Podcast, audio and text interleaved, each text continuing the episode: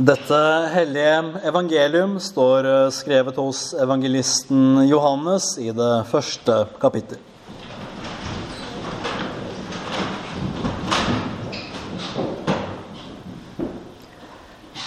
Johannes vitner om ham og roper. Det var om ham jeg sa, han som kommer etter meg, er kommet foran meg, fordi han var før meg. For av hans fylde har vi alle fått, og det er nåde over nåde. For loven ble gitt ved Moses, nåden og sannheten kom ved Jesus Kristus. Ingen har noensinne sett Gud, den enbårne sønn, som er i Faderens favn. Han har forklart ham. Slik lyder det hellige evangelium.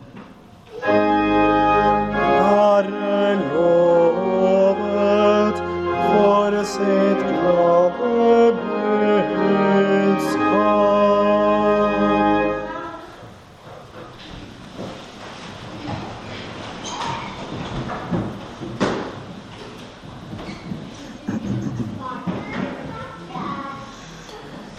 Vi eh, står her altså da igjen med denne personen Johannes. Profeten Johannes. Omvendelsespredikanten Johannes. Vitne Johannes, som eh, kanskje er det viktigste for oss akkurat i dag. For her møter vi Johannes midt i hans vitneoppdrag. Han profeterer ikke her om Kristus, for Kristus har kommet. Han vitner, og han peker konkret på Jesus. Hans oppdrag nå alene er å vitne og fortelle folk om Jesus. Og Samtidig så kommer det også fram at i sannhet er Johannes en profet. Når det han står og roper, når han er røsten i ødemarken som gjør Herrens stier rette.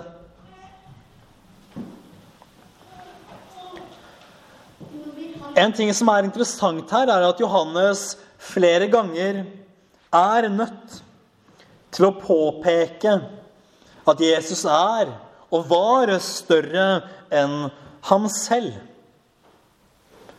Han gjør det her. Han sier det også senere i samme evangelium, hvor han påpeker at han skal vokse, og jeg skal avta. Dette var nødvendig.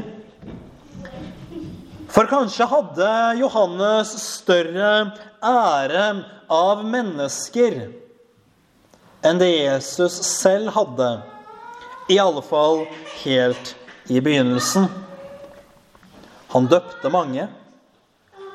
Han hadde mange disipler. Og selv om hans omvendelsesforkynnelse ikke alltid var populær, så ble han nok absolutt sett på som en profet. Og i alle fall som en stor predikant. Johannes' ord blir da interessante.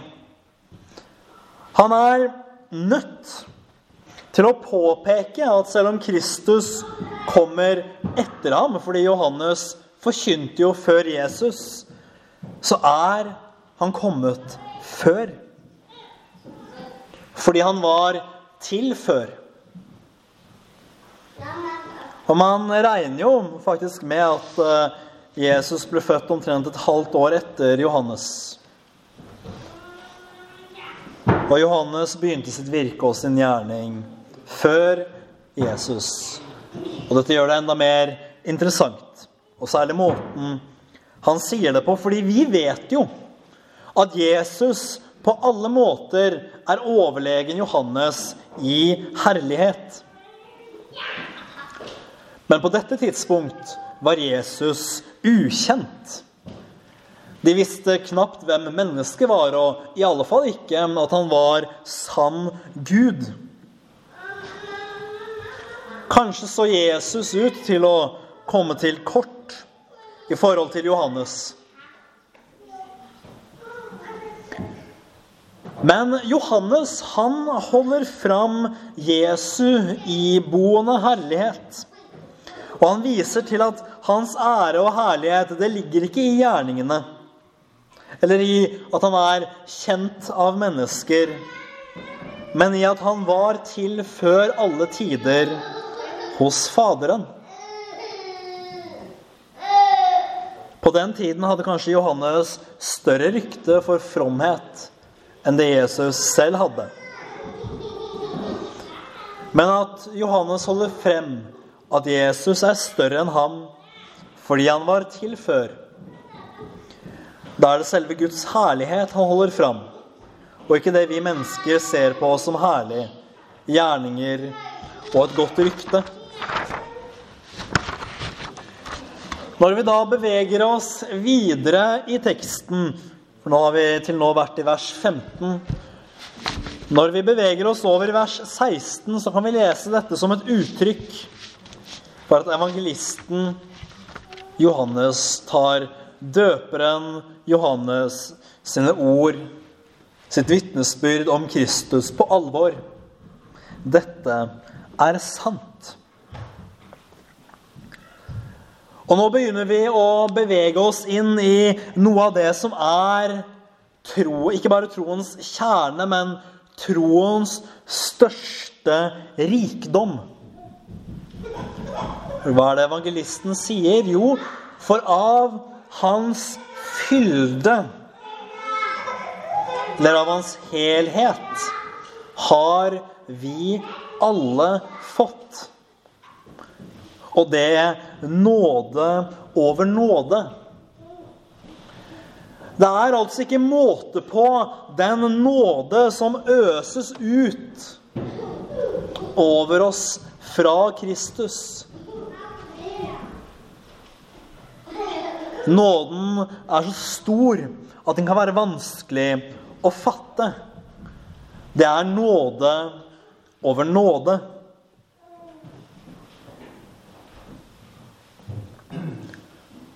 Og kanskje kan vi snakke om to særskilte nåder som vi troende får. Den første nåden, den er troen. For det må vi tenke oss. At selve troen, grunnlaget i alt vi driver med, grunnlaget i vårt liv og i vårt vesen Troen uten hvis livet hadde vært radikalt annerledes. At dette i sin grunnleggenhet er nåde. Og vi skal se at vi er egentlig avhengige av at alt er nåde. For i det øyeblikket noe opphører å være nåde, da går det over til å være fortjent. Jeg tror vi skal passe oss for å tenke at vi fortjener noe som helst. Men troen er noe Gud gir oss. Troen er noe Gud virker i oss, ikke fordi vi fortjener det, men fordi Hans Hellige Ånd gjør det sånn. Og hva er troen? Jo, troen er jo dette ene som griper at Kristus døde for oss. Som griper at i Han alene er syndenes forlatelse. Det er den første nåde. Den andre nåde følger naturlig av dette. Det er det evige liv. For vel hadde det vært fint og godt egentlig i seg selv med syndenes forlatelse. Å få sine synder tilgitt hos Gud, det er alene en større nåde enn vi noensinne kan fatte. Men det kommer mer. Fordi dette livet, det vet vi at skal gå over. Dette livet vi har nå, er ikke evig. Men i troen på Kristus ved den første nåde, så går vi også inn til det evige liv. Og heller ikke dette er fortjent. Og vi kan også se det sånn at oppsummert så handler alt nettopp om syndenes forlatelse. Og vi må favne, og vi må fatte, og vi må forstå hvor godt og vakkert og nådig dette er. Det er troens dypeste rikdom. For dette her har vi ikke fortjent. Men vi får det likevel. Og her er jo nådens essens og grunnlag at vi får alt godt av Gud når vi egentlig fortjener alt ondt. For i vers 17 så leser vi at loven ble gitt ved Moses. Og hva er det loven forteller oss? Jo, loven forteller oss at vi er fordømte. At vi er syndere. At vi kommer til kort overfor Guds hellige vilje, lov og bud.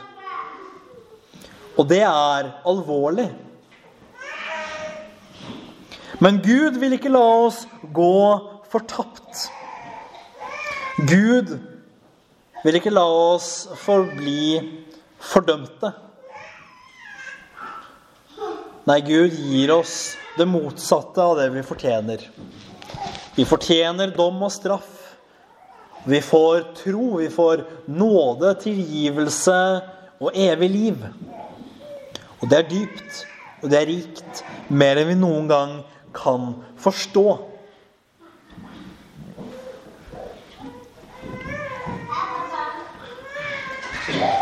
Og jeg tenkte også særlig på dette med hva Johannes noen ganger sier om seg selv. Vi kunne kommet dit hvis vi hadde fortsatt å lese videre i Johannes evangelium helt til kapittel 3, og det skal vi nødvendigvis ikke gjøre. Men jeg nevnte det så vidt innledningsvis. Johannes sier 'Han skal vokse, jeg skal avta'.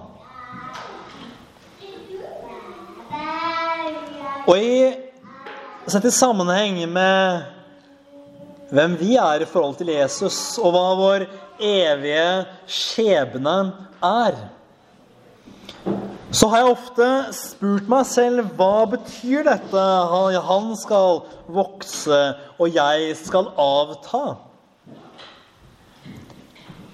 Og fra tid til annen så hører jeg det også brukt i sanger som om det skulle være en allmenn sannhet fra, for den kristnes liv. Han skal vokse, og vi skal avta. Og jeg ble nødt til å spørre meg selv om er dette et bibelsk prinsipp at vi skal avta, svinne hen og bli intet? Nei, selvfølgelig er det ikke det.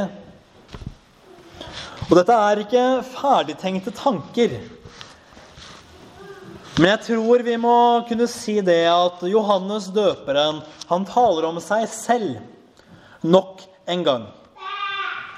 Hvor han ser at hans egen menneskelige ære og fromhet skal avta. Og Kristus skal vokse og vokse og vokse, og Johannes skal svinne hen. Men vi som er troende, skal vi svinne hen?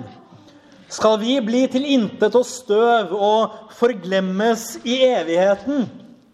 Nei, det er jo klart at vi ikke skal det. Kanskje vil vi lide samme skjebne i verden som Johannes. At når eh, vi skjønner at vårt oppdrag er å vitne om Kristus, så vil vi se at æren vi får fra mennesker, den svinner hen. Og kanskje vil også Kristi ære øke når vår ære svinner hen. Men vi er ikke ateister. Vi er ikke nihilister som tenker at alt er forgjeves, og at alt skal bli til intet. Nei, fordi vi vet at det er én som aldri glemmer oss når vår menneskelige ære svinner, og når verden gjerne vil glemme oss. Vi vet at det er en som aldri glemmer, fordi vi vet at våre navn står skrevet i livets bok.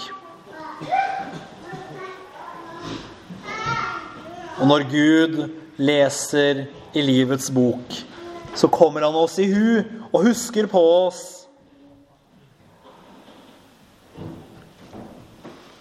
Så kanskje med menneskets øyne skal vi avta. Men jeg tror, jeg tror vi må kunne si at for den troende så går ting bare én vei, og det er oppover. Kanskje blir ting verre i dette livet. Kanskje kommer hån og baktalelse og forfølgelse. Ja, kanskje mennesker ikke vil tåle oss når vi taler om Kristus. Men eh, hva er vel det? Hva har vel det å si når vi vet at det som møter oss, og det som venter oss i det evige, er så mye større?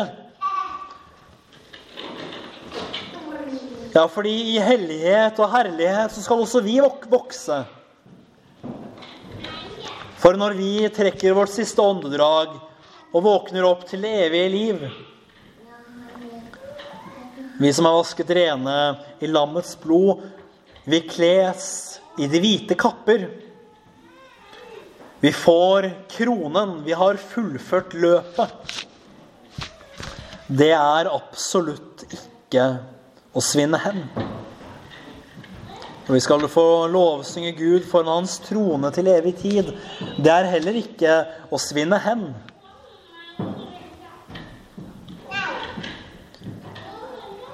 Så kanskje med menneskets, øyne skal Kirken og den kristne svinne hen og avta. Hvordan ting blir, det vet vi ikke. Vi vet at Kirken og den troende må utstå mye i, det, mye i dette livet. Men vi vet samtidig dette, at nåden, den kom med Jesus. Og at vi vet hvem Gud Fader er, fordi Jesus Kristus, den enbårne sønn, har forklaret ham. Han har forklart ham, gjort ham mulig å favne med troen. Og det er rikt. Og det er vakkert. Og jeg avslutter der. Ære være Faderen og Sønnen og Den hellige ånd, som var, er og blir en sann Gud fra evighet og til evighet. Amen.